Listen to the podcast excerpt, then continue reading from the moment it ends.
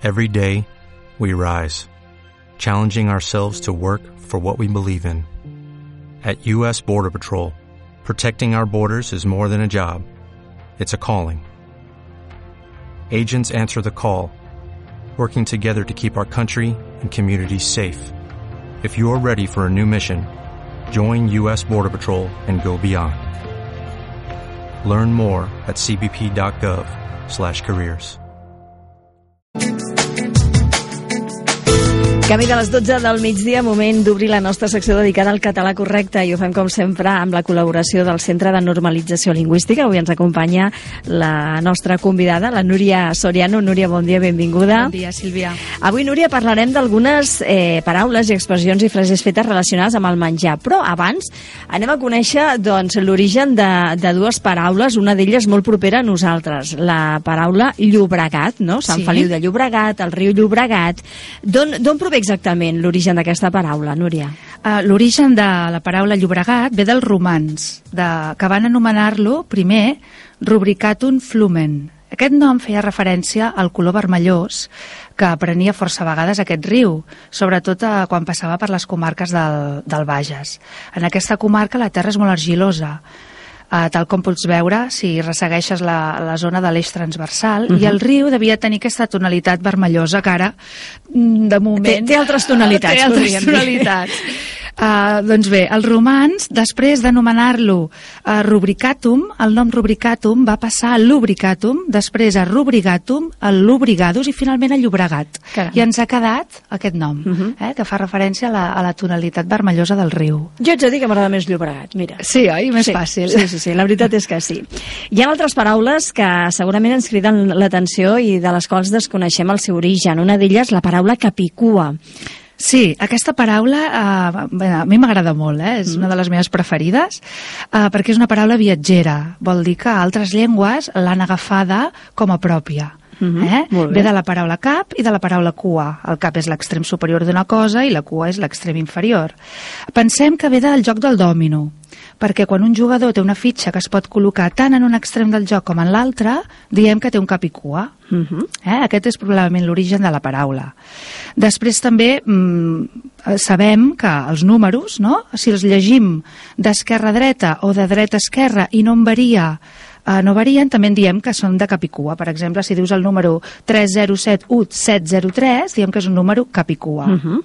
Comença i acaba igual. Ah, exam, exactament. Eh? Comença i acaba igual, no varia. Mm? Uh, quan això uh, passa a les paraules, en diem que és un palíndrom. Eh, però també en podem dir capicua.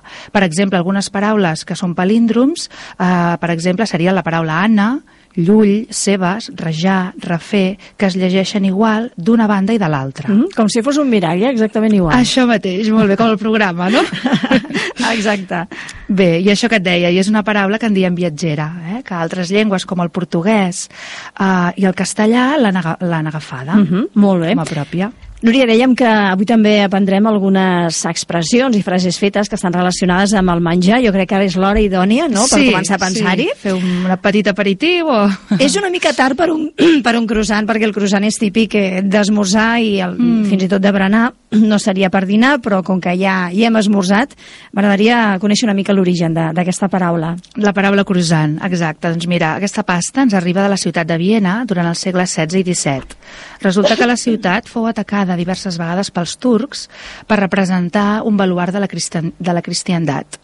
Uh, finalment els vienesos van fer fora els turcs i fou aleshores quan algun pastisser de la ciutat, per celebrar-ne la victòria, va elaborar una pasta que representava l'emblema dels vençuts, que és la mitja lluna, uh -huh. eh, que és croissant en francès. I bé, d'aquí ve eh, aquesta pasta, hi ha, hi ha el nom. Eh? Molt bé, o sigui que el croissant no és, no és francès, eh? és vienès. Mm -hmm. Això mateix. Ara m'ha caigut un mite. en fi, anem a per algunes frases fetes i, i refranys. Hi ha un que diu una poma al dia, el metge estalvia. Sí, ja sí, diuen sí. Eh, que recomanen una ració, cinc, cinc racions de, de, fruita, al dia, per ja pot tant, ser, ja. Ens falten, a vegades, a vegades ens falten hores, no?, per poder-ho complir. Mhm. Doncs sí, la poma és una fruita molt bona i sana per al cos i la dita diu això. Per tant, ja ho sabeu, és un bon hàbit saludable que es recomana. Eh? Mhm. Molt La bé. saviesa popular és la més sàvia, no?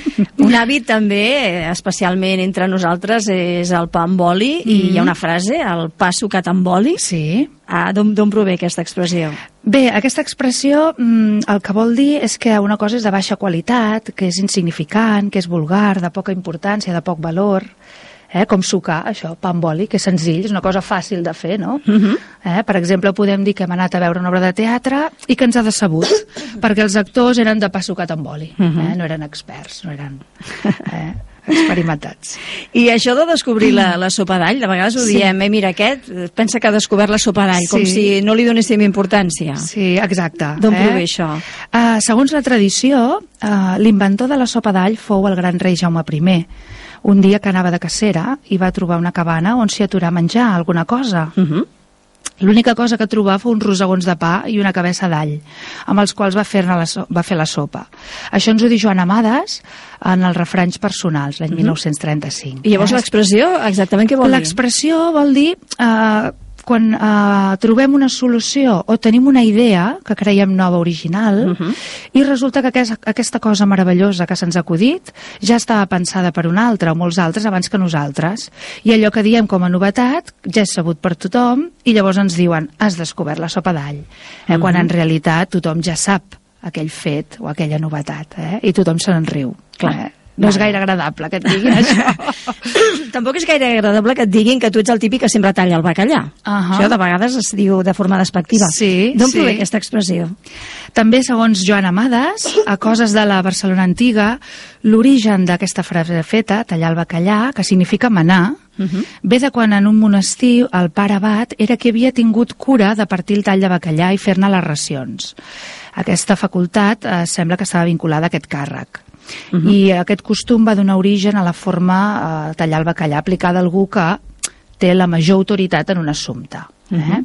D'altra banda, la restauradora eh, Ada Parellada, del restaurant Semproniana de Barcelona, també ens comenta que aquesta frase feta provenia del fet que qui tallava el bacallà ho havia de fer amb molta delicadesa, perquè el nervi i l'espina central només fes malbé un dels dos filets que es venia pitjor que el tall que quedava ben net. Clar. Si ho feia algú maldestre, clar, es carregava els dos filets i el preu del, del bacallà eh, baixava. Uh -huh. eh, per això l'amo era qui tallava el, el bacallà i d'aquí prové. Clar. Sí, sí. Clar, clar, clar, el que tenia més experiència. Ah, això mateix. I una, una expressió que a mi m'ha cridat l'atenció, està més content o més eh, eixerit que un gínjol? Mm, que jo, jo em pregunto, molt. quina relació té això amb el menjar? Bé, el gínjol és, és una, un fruit, eh, és el fruit del ginjoler, Mhm. que és un fruit una mica més gran que una oliva, és de color, de color roig i es menja. Eh? En castellà es diu azufaifa. No hi ha gaire gent que conegui aquest, aquest fruit. Eh? Bé, jo és la primera vegada que ho sento, eh? Sí, uh, sí, sí. l'expressió, el gínjol... Uh, El gínjol, sí, sí. Sí? No, no, l'expressió sí, però Ah. la, la paraula gínjol, Gínjol i el ginjoler, eh? Mhm. la- l'arbre que, que fa els un gínjols. descobriment. Sí, veus? doncs és, eh, té un gust semblant a la poma. Jo l'he Mhm. tastat, n'he comprat. Una vegada vaig anar al mercat i em vaig veure i dic, mira, ara sabré què és un gínjol. No? S'assembla a la poma i bé, i podeu utilitzar aquesta expressió. Mhm, També molt bé. podeu dir que estem contents o una persona està contenta o eixerida com un pèsol. Eh? Mhm.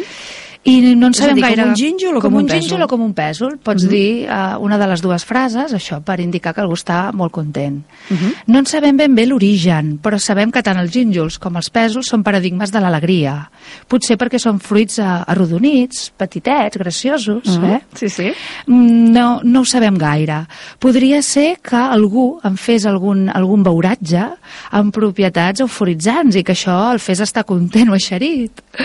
O bé potser perquè també amb la fusta del ginjoler es fan els instruments eh, estrella de la copla, que són les tenores.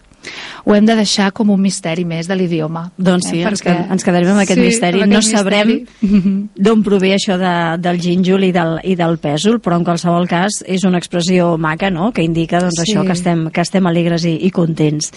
Doncs Núria Soriano, del Centre de Normalització Lingüística, com sempre, moltíssimes gràcies. A vosaltres per convidar-nos. Fins aviat. Adeu.